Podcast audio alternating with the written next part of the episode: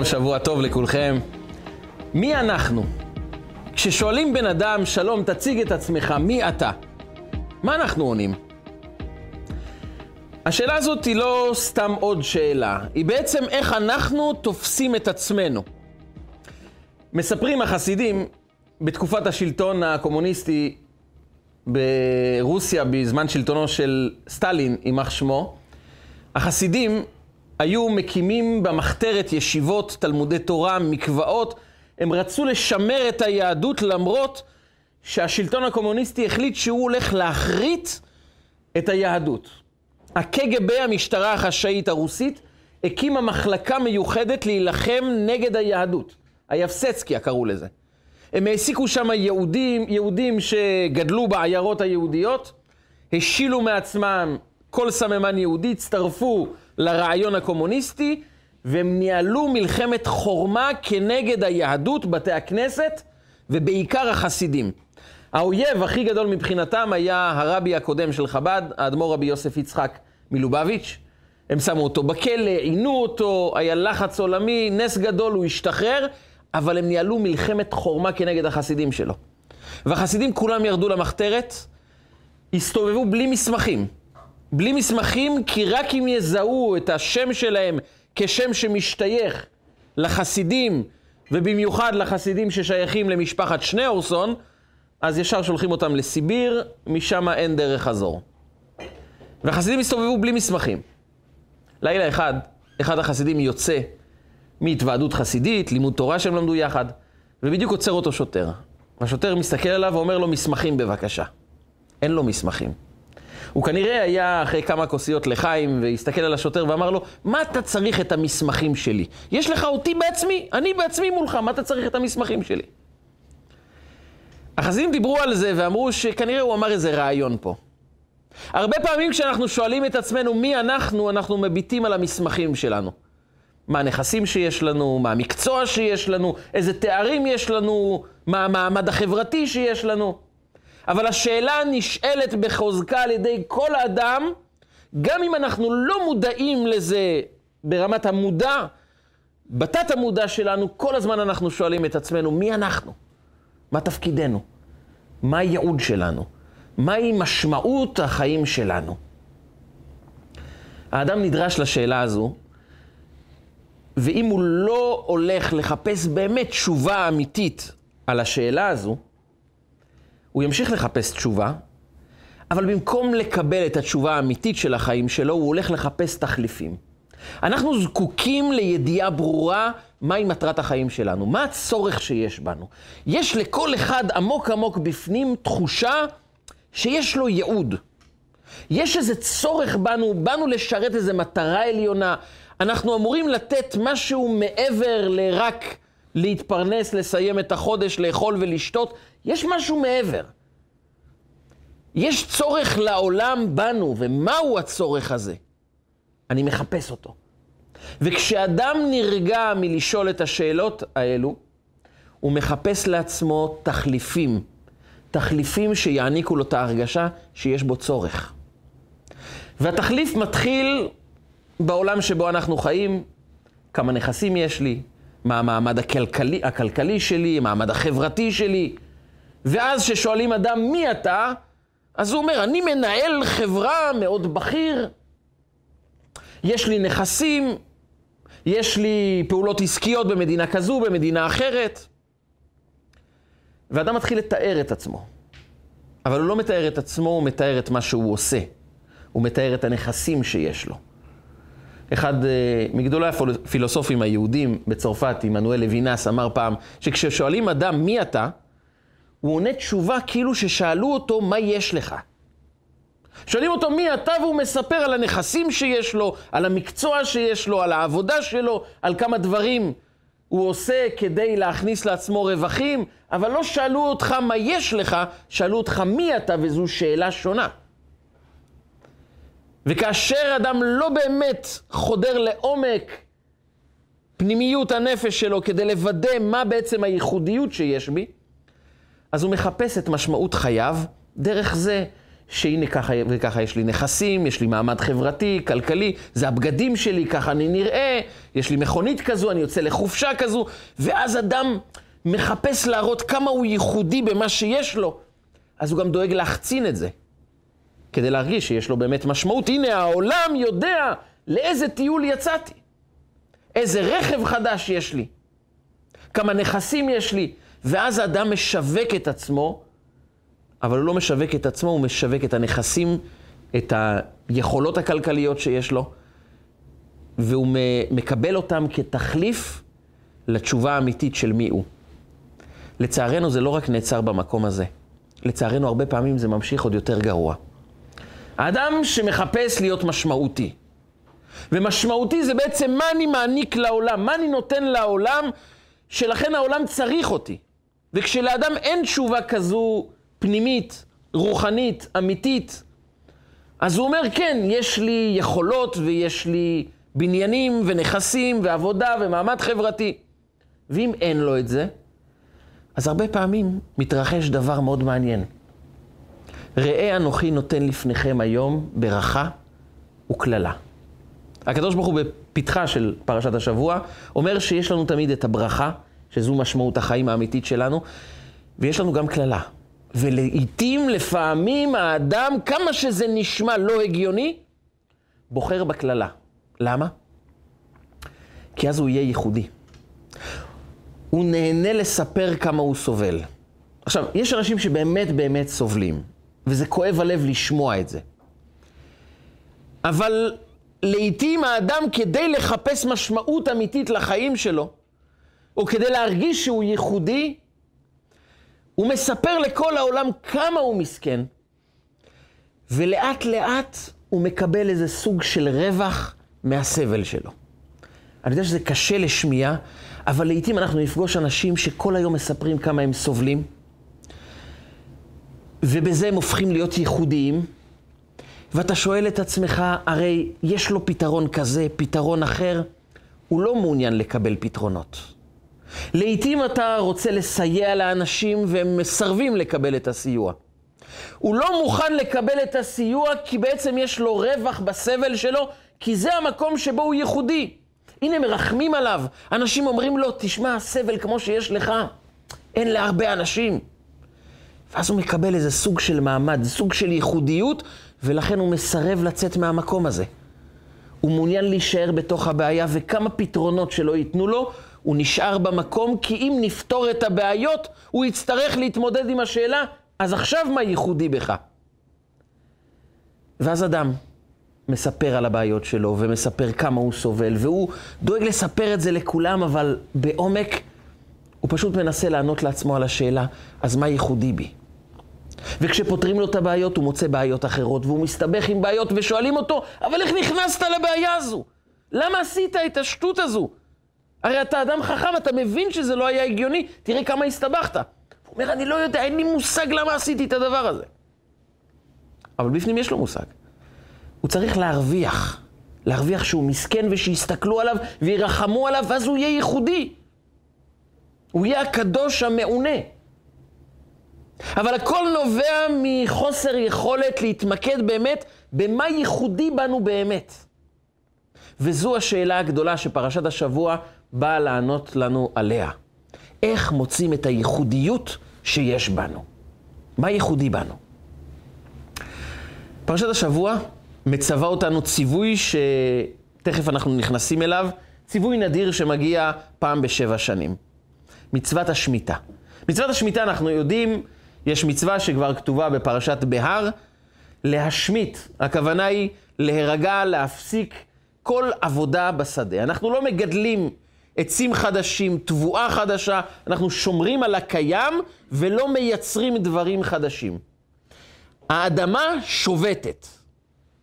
האדם שכל הזמן מגדל ענבים, תבואה, שמן, יוצר לעצמו תחום כלכלי רחב מאוד שהוא משקיע בו כל הזמן, בשנה השביעית נגמר. לא עובדים בשדה יותר. מה שיש לך בשדה, לא שלך. אתה יכול להשתמש בו, כמו כל אדם. השכן יכול להיכנס אצלך לשדה, לקחת ענבים, גם לא הרבה, לא עושים מסחר, אתה לא עושה מסחר עם הפירות, אתה לוקח מה שאתה צריך לאכול. פירות שביעית אסורות בסחורה. לא סוחרים בהם, לא עושים כספים, לא עושים ביזנס עם הפירות. השכן יכול לקחת, אתה גם יכול לקחת כמה שאתה צריך בשביל ארוחה. אתה לא מכניס קרטונים שלמים של סחורה. השאלה היא למה? למה הקדוש ברוך הוא רוצה מאיתנו בשנה השביעית שהשדה, הכרם, התבואה שעבדנו עליה כל כך קשה במשך שש שנים, פתאום שום דבר לא שייך לנו, משמטים את כל העבודות, הקרקעות שובתות, כולם יכולים לקחת מה שהם רוצים מהנכסים שלי, למה? ופרשת השבוע מוסיפה לנו עוד ציווי, וזה דבר השמיטה. שמות כל בעל משה ידו אשר ישה ברעהו, לא יגוס את רעהו. קרא שמיטה להשם. בשנה השביעית, כל החובות שיש לאנשים אליך, בטלים. אדם הלווה לחברו 5,000 שקלים. הלווה לו סכום כסף, הוא היה זקוק לסכום הכסף הזה לחצי שנה, הוא בא להחזיר בשנה השביעית, חייב המלווה, מי שנתן את הכסף, חייב לומר, משמט אני, לא שלי הכסף. אתה לא חייב להחזיר. למה? אדם לווה כספים, למה שלא יחזיר? התורה מצווה את המלווה, אתה תאמר לכל הלווים, לא שלי, תניח את זה אצלך. אם הוא רוצה לתת מתנה, יכול לתת מתנה, אבל אני, אני כבר לא בעל הבית על הכספים שלי. למה התורה מבקשת מאיתנו כזה דבר? עד כדי כך זה גם יצר בעיות, כי אנשים הפסיקו להלוות כספים כבר באזור השנה השישית, כי אמרו, יפה, אנשים מבינים שבשנה השביעית לא חייבים להחזיר כסף, אף אחד לא יחזיר לי את הכסף. עכשיו, אנשים הגונים היו מחזירים את הכסף ואומרים, אוקיי, זה מתנה. אני מחזיר את הכסף בתורת, בתור מתנה. אבל אנשים פחדו וכבר הפסיקו להלוות כספים, אז הלל הזקן תיקן תקנת הפרוסבול הידועה, מסמך שבעצם אומר שכולם חייבים כסף לבית הדין, לא לאדם פרטי, ואז בית הדין יכול לגבות את הכספים ולתת בתור מתנה למי שהוא מחליט לתת. פתרון הלכתי מסוים, שהלכתית הוא מסדר לנו את הבעיות של לווה ומלווה, אבל רעיונית אנחנו נדרשים להבין מה העניין. למה אדם שהלווה מכספו, הוא עבד עליו, הוא הלווה את הכסף לאדם אחר, ועכשיו הוא צריך לומר, אתה לא חייב לי, זה לא הכסף שלי. אם אתה רוצה לתת בתורת מתנה, זה זכותך, אבל אתה לא חייב לי, לא חייבים לי כבר כסף. למה? וכאן התורה בעצם באה לאזן את בני האדם. אם נשים לב, התהליך שאנחנו עוברים במשך כל שנות העבודה שלנו, נדמיין לעצמנו אדם שהולך, עובד בשדה, מגדל תבואה, מגדל כרמים, מפתח אה, חברה שלמה של ייצור יינות ושמן זית. הוא עובד בשדה, בכרם, ולאט לאט הוא מזהה את עצמו עם הנכסים שיש לו. ואז חוזרת השאלה, שואלים אותו, מי אתה? הוא אומר, מי אני? אני בעל הכרם המיוחד שמייצר את היין המשובח הזה. זה מי שאני. פונים לאדם אחר, הוא אומר, אני מנהל חברת שמן זית. אני האדם שמשווק עצים. אני האדם שמשווק פירות וירקות. אני האדם בעל הנכסים. אני האדם עם המון כסף. ואז לאט לאט האדם ששואלים אותו מי אתה, הוא מזהה את עצמו עם הנכסים שיש לו. ובמקום לדבר על מי הוא, הוא מדבר על מה יש לו. ואז הוא מפסיד את היכולת להתמקד בייחודיות שלו, כי הוא חיפש ומצא תחליף למשמעות חיים שלו. מה ייחודי בי? הכרם שלי, הנכסים שבי, הכספים שיש לי. והתורה לא נגד אדם שיעבוד וירוויח כסף ויהיה אדם עמיד ועשיר. להפך, אם נתן לך הקדוש ברוך הוא ברכה, תעשה עם זה רק דברים טובים. אבל שנה אחת, השדה כבר לא שלך, היא של כולם, כולם יכולים ליהנות ממנה.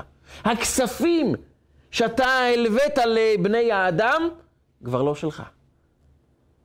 ופתאום בן אדם שהרוויח את כל החוסן הפנימי שלו, את המעמד שלו, את כל החוזק שלו, את התשובה שהוא ענה לעצמו, מי אני? זה הכסף, זה השדה, זה הכרם, זה חביות היין, זה היכולת הכלכלית שלי, זה המעמד החברתי שלי. פתאום הכל, הכל יורד, הכל נעלם. הכסף שלך לא שלך. לא חייבים להחזיר לך. השדה לא שלך, הוא של השכן בדיוק כמוך. האביון פתאום מקבל מעמד שווה לכולם. זה לא הופך להיות צורת החיים הכללית לכל הזמן, אבל שנה אחת התורה באה ומבקשת מאיתנו לאזן את עצמנו.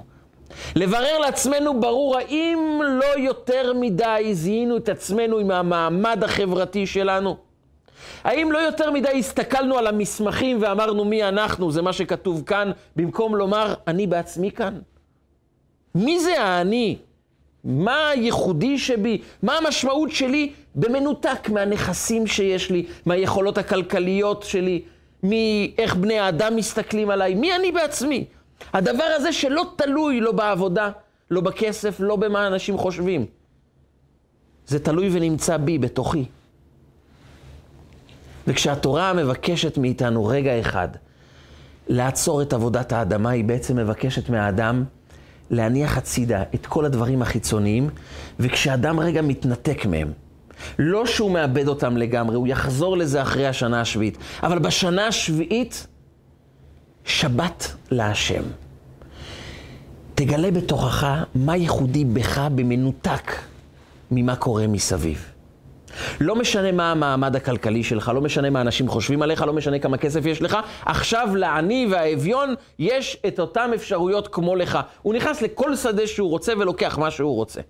והכספים שהוא חייב, הוא כבר לא חייב כלום. אז מי אתה עכשיו? אז עכשיו מה המעמד שלך? ואז האדם, כאשר הוא מנתק את עצמו מהדברים החיצוניים, הוא זוכה למקד את הנפש שלו עכשיו במה ייחודי מבחינה רוחנית בנפש שלו.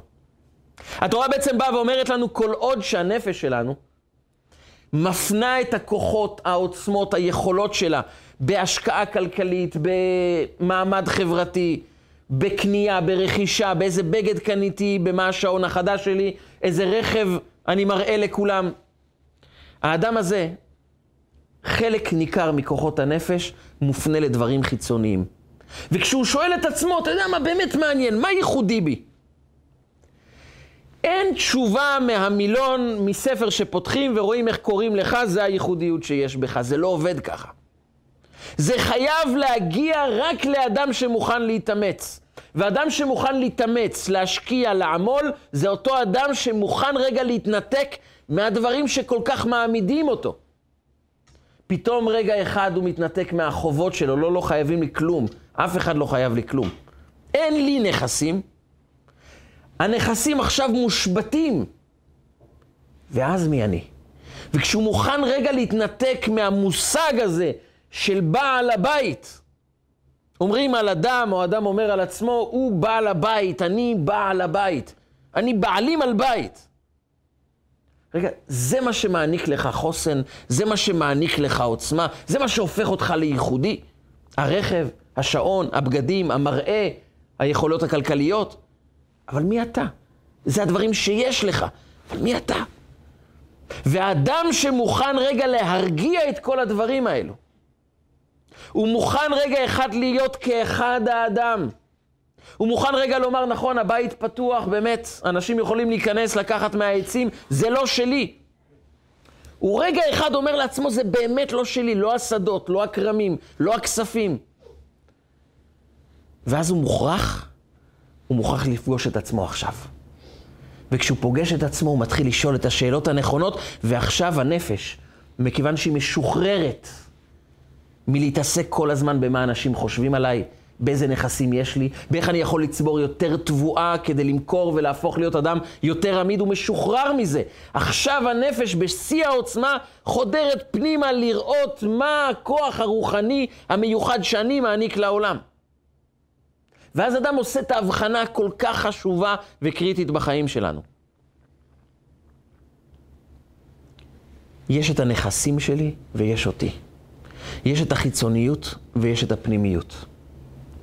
והבלגן בחיים מתחיל כשאנחנו מערבבים בין חיצוניות לפנימיות. לא ברור לנו מהי הפנימיות ומהי החיצוניות. ושנת השמיטה באה ליישר קו, באה לסדר לנו את הראש, באה להעמיד דברים על דיוקם. נסביר רגע אחד. בספר בראשית אנחנו פוגשים הרבה חלומות.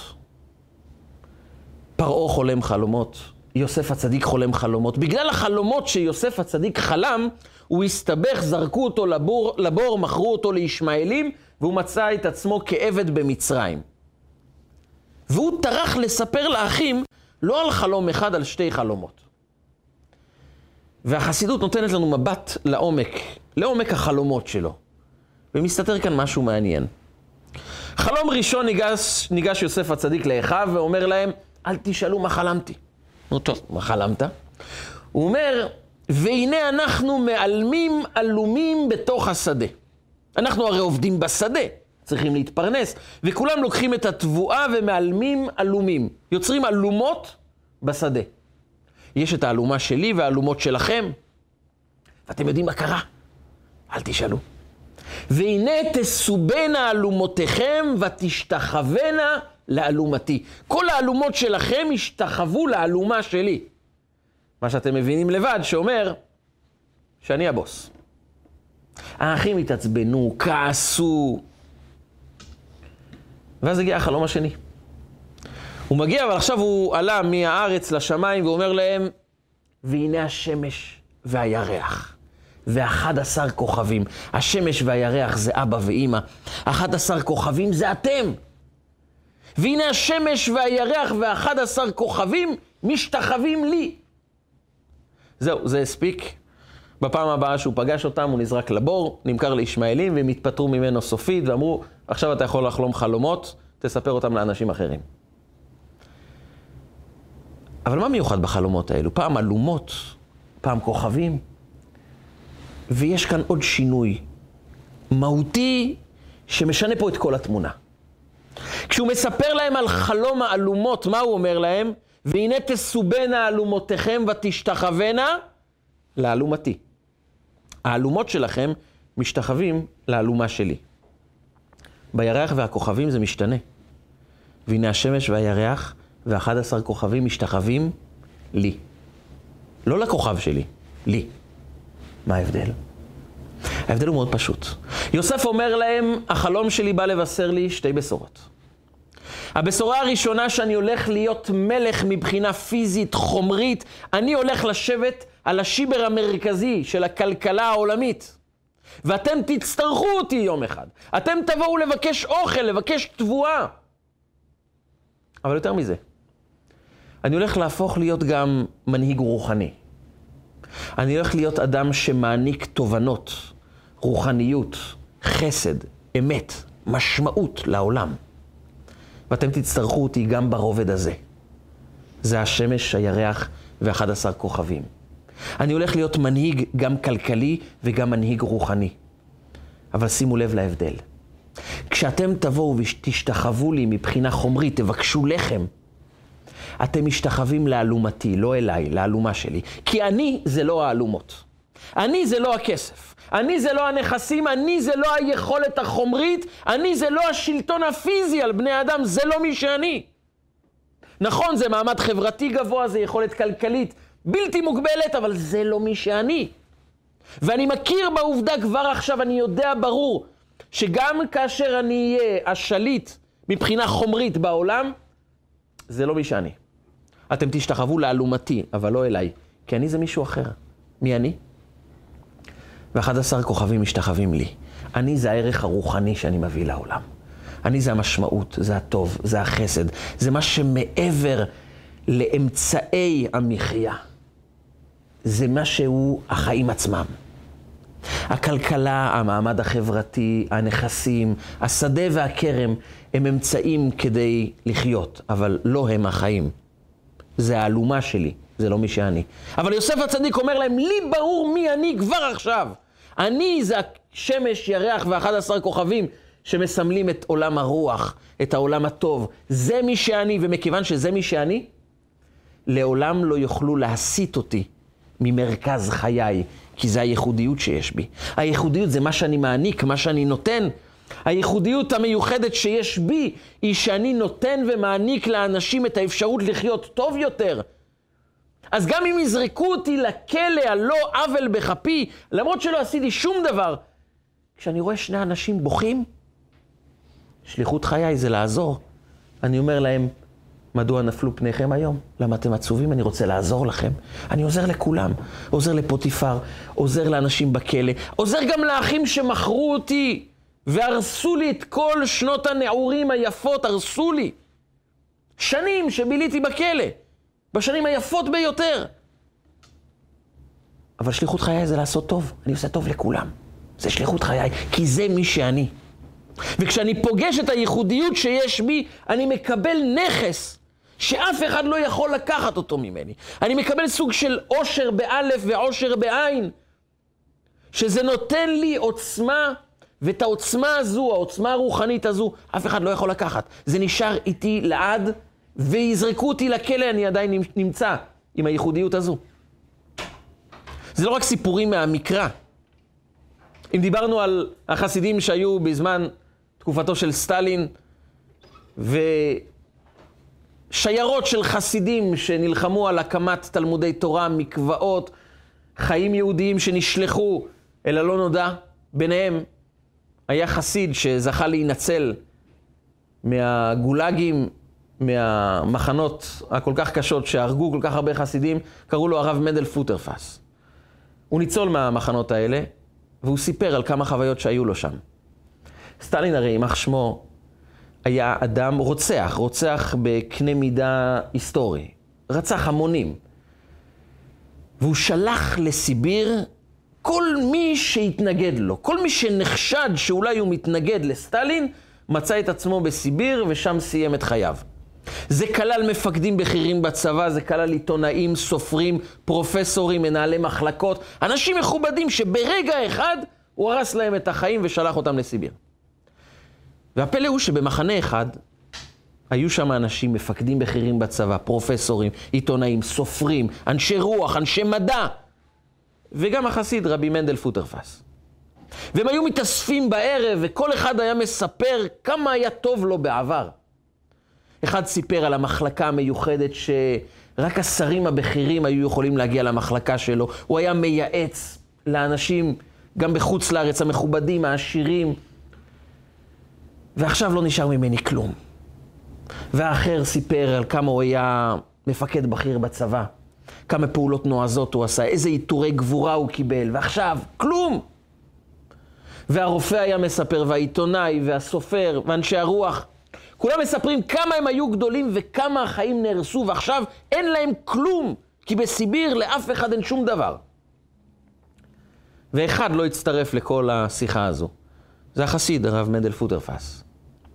ויום אחד ניגש אליו אחד האנשים במחנה, שהיה סופר, וניגש אליו ואמר לו, תשמע, אני שומע את כולם ורק אותך אני לא שומע, ואני תוהה לעצמי, למה אתה לא משתתף בשיחה? ואני חושב שמצאתי תשובה.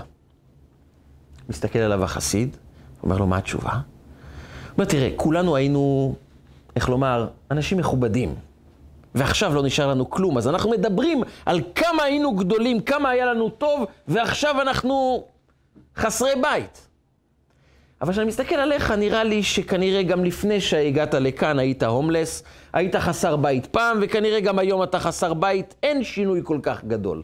לא היה לך כלום לפני, וגם עכשיו אין לך שום דבר. חייך הרב מנדל פוטרפס והסתכל עליו ואמר לו, אתה טועה. הייתי איש עסקים, הוא היה באמת איש עסקים מאוד מוצלח, הרוויח המון המון כסף. את רוב הכסף הוא נתן לישיבות חב"ד, המחתרתיות ברוסיה. אבל הרוויח הרבה כסף. הוא אמר, תשמע, חוץ מזה שהייתי ביזנסמן והייתי מרוויח הרבה כסף, יש לי אישה וילדים שאני מתגעגע אליהם. הם כבר בלונדון, ואני לא יכול לראות אותם. וזה כואב לי גם. אז, אז היית איש עסקים, הייתה לך משפחה, יש לך ילדים, למה אתה לא בוכה כמו כולנו? למה אתה לא ממרר על רוע המזל שלך, כמו שאנחנו עושים כל ערב? הוא אומר, אה, זה מאוד פשוט. כי את הביזנס המרכזי והכי חשוב של החיים שלי, אני ממשיך לנהל פה בסיביר. זה לא הצליחו לקחת ממני. הסתכל עליו הסופר כאילו השתבשה עליו דעתו ואמר לו, איזה בדיוק עסק אתה מנהל כאן בסיביר, לאף אחד אין כלום כאן. הוא אמר לו, אני אסביר לך. אני לא יודע אם תבין, אבל אני אגיד לך.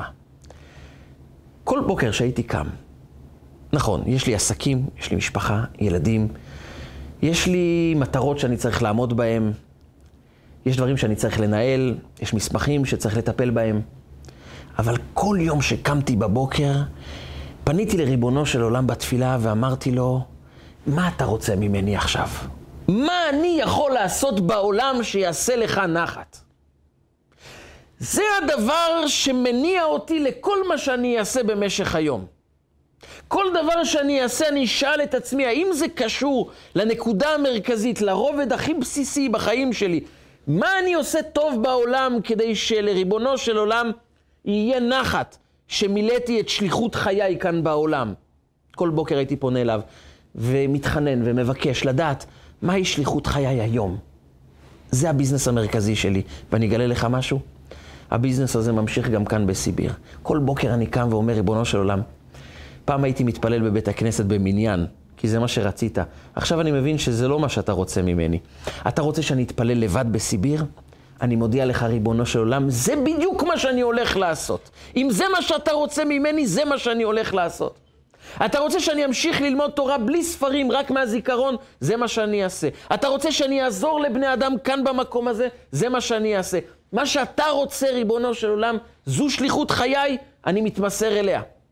וכמו יוסף בבית הסוהר, חסר כל, חסר משפחה, חסר אמצעי מחיה בסיסיים, חסר כל הגינות בעולם, אין לו, אין הגינות שמגיעה אליו. הוא חווה רק רשעות, כל טוב שהוא עושה הוא מקבל בדיוק את ההפך. אבל הוא ממשיך את שליחות חייו, ואת זה לא לוקחים ממנו. כי הוא אומר, אני זה לא אלומות, אני זה הרוחניות. וכשאדם יוצר את ההבחנה הזאת, הוא מקבל עושר פנימי, יציבות חזקה, כי אפשר לקחת ממנו את שליחות חייו. זה הדבר המרכזי שיש לו. ואת זה השמיטה באה ללמד אותנו. לנתק רגע את הדברים שבצדדים, לשים את עצמנו רגע במרכז, אבל את מי שאנחנו באמת.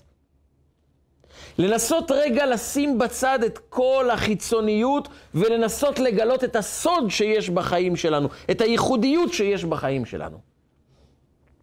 אתם יודעים, כאשר אנחנו באים לעשות קידוש בליל שבת, הבדלה במוצאי שבת, אנחנו באים לערוך חופה, זה תמיד יהיה על כוס יין. ברכת המזון, גם אם יש שלושה או עשרה אנשים, זה יהיה על כוס יין. דברים מיוחדים, קדושה מיוחדת, זה על כוס יין. למה נבחר היין דווקא? מה מיוחד בו? עד כדי כך שאומרים, נכנס יין, יצא סוד. היין לא התחיל בתור יין. היין התחיל בתור אשכול ענבים מאוד יפה שצמח בכרם. והוא, כמו האפרסק וכמו המנגו, גדל וחיכה לרגע שיקחו אותו, יברכו עליו ויאכלו אותו. אבל הוא בשונה מהאפרסק והמנגו ושאר הפירות, אותו לקחו ודרכו עליו. ברגליים, פשוט דרכו עליו, מעכו אותו. והוא שואל את עצמו, למה? למה דורכים עליי? למה מועכים אותי? למה מרסקים אותי לגמרי? ואז הוא שומע קול ואומר, אם אתה תדע למעוך רגע, לרסק רגע את הצד החיצוני שבך, אתה תגלה יין מיוחד שיוצא ממך, משקה שמביא שמחה לעולם. אבל זה תלוי בדבר אחד, במוכנות שלך לרסק רגע את הצד החיצוני ולהוציא את הסוד שבתוכך. היין לא בא ומוציא מתוכו יין, הענבים לא מוציאים מתוכם יין ככה סתם, באופן קליל. הם עוברים סוג של דריכת ענבים. ושימו לב, דריכה זה לדרוך, וזה עם הרגליים, וזה לא נעים. אבל מי שמוכן רגע לרסק את הצדדים החיצוניים, את התאווה שכן יכבדו אותי ואני אמצא ערך בכבוד שאנשים רוכשים לנכסים שלי, ליכולות שלי, למעמד, לאיך אני נראה, לאיך אני לבוש, במה עשיתי. הדברים האלה הם חיצוניים שמונעים ממנו, מאיתנו, לגלות את הערך הפנימי היציב שתמיד יש בתוכנו, שאותו אי אפשר לקחת. שלא משנה מה יעבור עלינו, הוא נותן לנו יציבות, חוסן פנימי, ערך אמיתי, עושר אמיתי, פנימי, רוחני. והיין מגלה לנו את הסוד הזה. אחרי הדריכה, הוא הפך פתאום להיות, להיות משהו מיוחד. פתאום הוא הפך להיות משקה שאפשר לקדש עליו, שמקבל ברכה ייחודית. והמהפך הזה שהוא עבר, הדריכה הזו שעברה, נכון, ביטלה ממנו את הדמות של אשכול ענבים, אבל הפכה אותו ליין משובח, שמנסחים אותו גם על גבי המזבח. ואותו סיפור גם עם השמן זית, שמדליקים איתו את המנורה. גם מועכים אותו, טוחנים אותו בריחיים, ואז יוצא שמן זית. כי כאשר אנחנו שואלים את עצמנו מה הייחודיות שיש בנו, אנחנו צריכים לשאול את עצמנו עוד שאלה נלווית. עד כמה אני מוכן למעוך, לרסק את הצד החיצוני של החיים, כדי לגלות את התשובה האמיתית של מי אני. אנחנו תמיד עומדים ואומרים, טוב, אז איך מגלים את הייחודיות שיש בנו? אבל האם אנחנו מוכנים להתמסר למציאת התשובה? התשובה הזו לא ניתנת בחלוקה חינם, היא ניתנת למי שמוכן להעביר, לעבור תהליך של דריכת היין, טחינת הזיתים עד שיצא היין ויצא השמן. ואז, אז יש יין שמנסחים אותו על גבי המזבח, אז יש שמן זית שיוצא ממנו אור המנורה, אז האור יוצא, אז נכנס יין, יצא סוד. אבל העולם שבו אנחנו חיים ממקד אותנו כל הזמן ברבדים החיצוניים. באיך הגוף נראה, במה הגוף קיבל, בכמה נכסים ואיך אנחנו נראים ומה החברה חושבת עלינו. מדיה שלמה מתפתחת סביב האפשרות של האדם להראות לכל העולם איזה ארוחה הוא אכל. באיזה חוף הוא ביקר, על איזה ספינה הוא שט. הדברים נחמדים, יפים, מרגיעים ונותנים לנו תחושה של שחרור. אבל זה מי שאנחנו? האם אנחנו יודעים לעשות רגע את ההפרדה? זה האלומות, אבל זה לא מי שאני. ומי שיודע לעשות את ההפרדה הזו, ומוכן גם לעבור תהליך של כן, אני לא מתמקד בדברים האלו. אני מוותר רגע על שקיעה בתוך עולם החומר. לא שאני מוותר על החומריות, אבל אני עובר תהליך של שנת שמיטה. אני מקדיש את חיי יותר לעניינים רוחניים. אני מוכן לוותר על קצת רווח כדי לתת רווח למישהו אחר. אני מוכן לוותר על הנאות פרטיות, על לשבת על כיסא נוח, ואני קם מהכיסא נוח והולך לטרוח עבור אדם אחר. אדם שמוכן לעבור תהליכים כאלו, לאט לאט היין מתחיל לצאת ממנו. אבל היין לא מגיע בהזמנה מהענבים לבד, הם לא שופעים מתוך הענבים בלי כלום, בלי השקעה. יש תהליך, תהליך של סחיטה שיוצר משקה מיוחד שעליו מקדשים, שמן שאיתו אפשר להדליק את נרות המנורה. וכאן אנחנו מגיעים לעומק שיש במציאת הייחודיות שבנו. הרבה פעמים אנחנו שואלים שאלה, איך באמת אפשר לאהוב כל אדם? זה לא משאלה כזו אבסטרקטית, כזו לא מציאותית, מה זה לאהוב את כל העולם? האמת שלא קשה לנו לומר את זה, אני אוהב את כל עם ישראל. חוץ מהשכן, מר ישראל, שהוא לא מפסיק לעצבן אותי, אותו אני לא סובל, אבל את עם ישראל אני אוהב. כי זה לא דורש ממני שום דבר, זה אהבה כללית כזו לכל העם, לכל העולם. אבל כשזה מגיע המפגש עם האדם שקצת מעצבן אותי, אני כבר לא אוהב אותו. זה באמת ריאלי ואהבת לרעך כמוך? איך אני עושה כזה דבר? לאהוב כל אדם, למה? אתם יודעים, הסיפור, אחד מהסיפורים המפורסמים ביותר על הרבי מלובביץ', זה אותה אישה מבוגרת ששאלה אותו איך הוא עומד שעות ומחלק דולר לברכה לכל אחד, ולא מתעייף. היא אומרת לו, אני יותר צעירה ממך, אתה יותר מבוגר ממני, ואני כבר אחרי שעה לא מסוגלת לעמוד על הרגליים. איך אתה עומד שש שעות, שבע שעות? איך אתה עושה את זה? הוא אמר לה תשובה שאנחנו צריכים להתעמק בה, שהיא קשורה למושג הייחודיות. כשסופרים יהלומים, לא מתעייפים. מה הופך יהלום לדבר יקר? מה הופך בתוך היהלומים יהלום מסוים ליהלום שעולה מיליונים של דולרים? התשובה היא הייחודיות, הנדירות. זה דבר נדיר. אם היה לנו יהלומים כמו שיש לנו חצץ, כמו שיש לנו חול, אז זה לא היה יקר, כי יש מספיק לכולם. הייחודיות, העובדה שהוא נדיר, זה הופך אותו לייחודי, כי הוא נדיר. וכאשר יש לנו יהלום נדיר שיש ממנו רק כמה יחידות, הערך שלו עולה. כינור עולה סכום מסוים. אבל יש כינורות שעד היום קיימים, כינורות סטרדיווריוס. זה משפחת סטרדיווריוס שייצרה אותה באיטליה לפני כמעט 200 שנה. זה כינורות עם קול מיוחד. ייצרו, יש היום בעולם שמונה כאלה. כמה עולה כל אחד? מיליון וחצי, שתי מיליון דולר. כי הוא ייחודי. אין הרבה ממנו. יש רק שמונה, אז רק הכנרים המיוחדים, המומחים, מחזיקים כזה כינור. וכאן בא הקדוש ברוך הוא ונותן לנו מתנה שאנחנו צריכים להתבונן בה. ורק בגלל שאנחנו קצת מתפזרים יותר מדי באלומות ופחות במציאות שלנו האמיתית, אנחנו לא שמים לב תמיד שהקדוש ברוך הוא שתל בכל אחד מאיתנו ייחודיות. והוא נתן לנו גם סימן על זה. הוא אומר, תסתכל באצבע, בטביעת האצבע, היא ייחודית רק לך. לא יקום אדם עם טביעת אצבע כמוך. פנים ייחודיות, טביעת אצבע ייחודית. וזה רק רמז על הנשמה הייחודית, על הכוח המיוחד שיש לך, שיש לך לתת לעולם.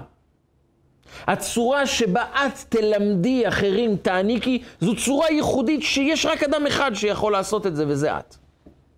הצורה שבה אתה תעניק ותיתן ותלמד, היא צורה ייחודית שרק אתה יכול לעשות את זה. ולכן הגעת לעולם. וכאשר אדם שובת, מנהל את שנת השמיטה כמו שצריך ומפנה את כוחות נפשו למצוא את הייחודיות. הוא עובר את תהליך הסחיטה הזה, שפתאום הוא לא חייב לך כסף. השדה לא שלך, הכרם לא שלך. מי אתה? תענה לעצמך לשאלה הזו.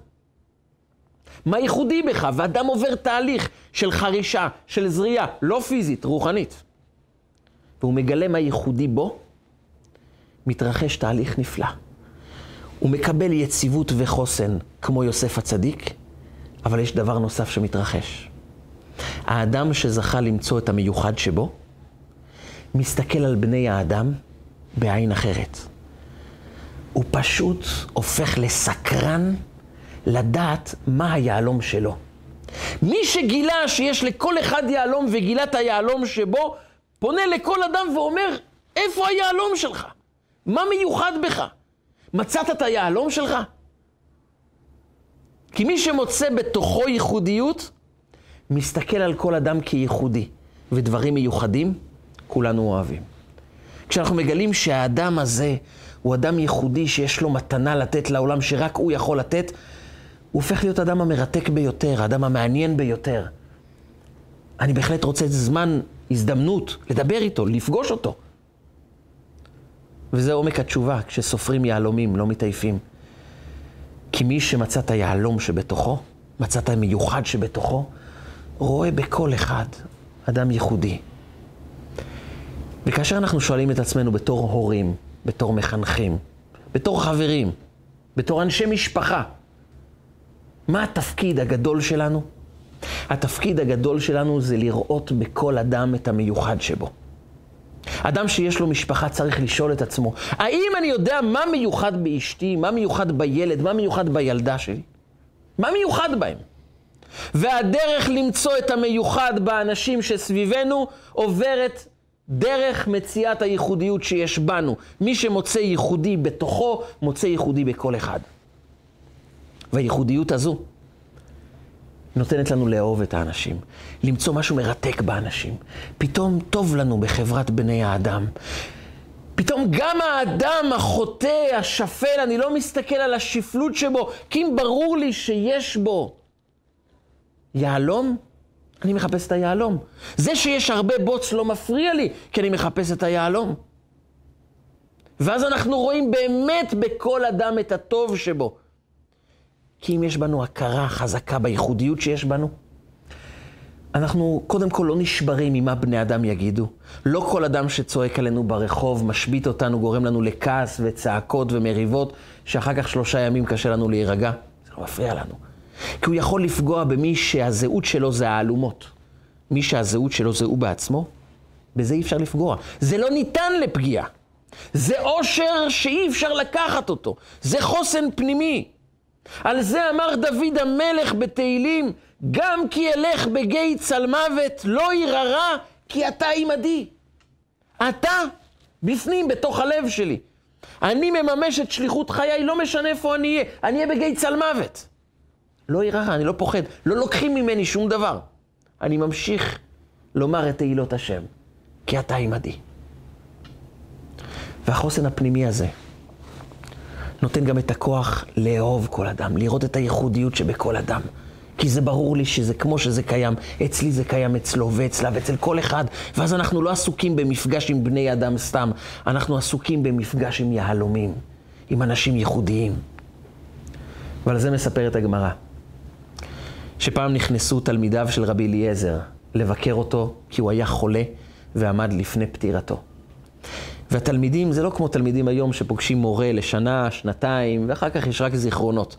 זה מורה שבנה אותם, שהפך אותם מסתם תלמידים לתלמידי חכמים. הוא העניק להם משמעות חיים, הוא גילה בתוכם מה ייחודי בהם, הוא יצר מכל אחד את הרב שיש בו, את המיוחד שיש בו, את הצדיק שיש בו. והם באו לבקר אותו והתחילו לבכות שהרב הזה, הנר הזה שהדליק את המיוחד שבהם, עוזב את העולם. וכל אחד אמר לרבו מה הוא קיבל ממנו, ורבי יהושע אמר לרבו, רבי אליעזר, רבי, אתה יותר טוב לנו מטיפה של גשמים. אתה יותר טוב מטיפה של גשם. אתה יודע למה?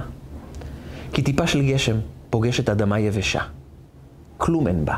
אדמה יבשה לחלוטין. אף אחד לא מאמין בה. אבל יש בה זרע, שאף אחד לא רואה. אחד רואה, הטיפה של גשמים.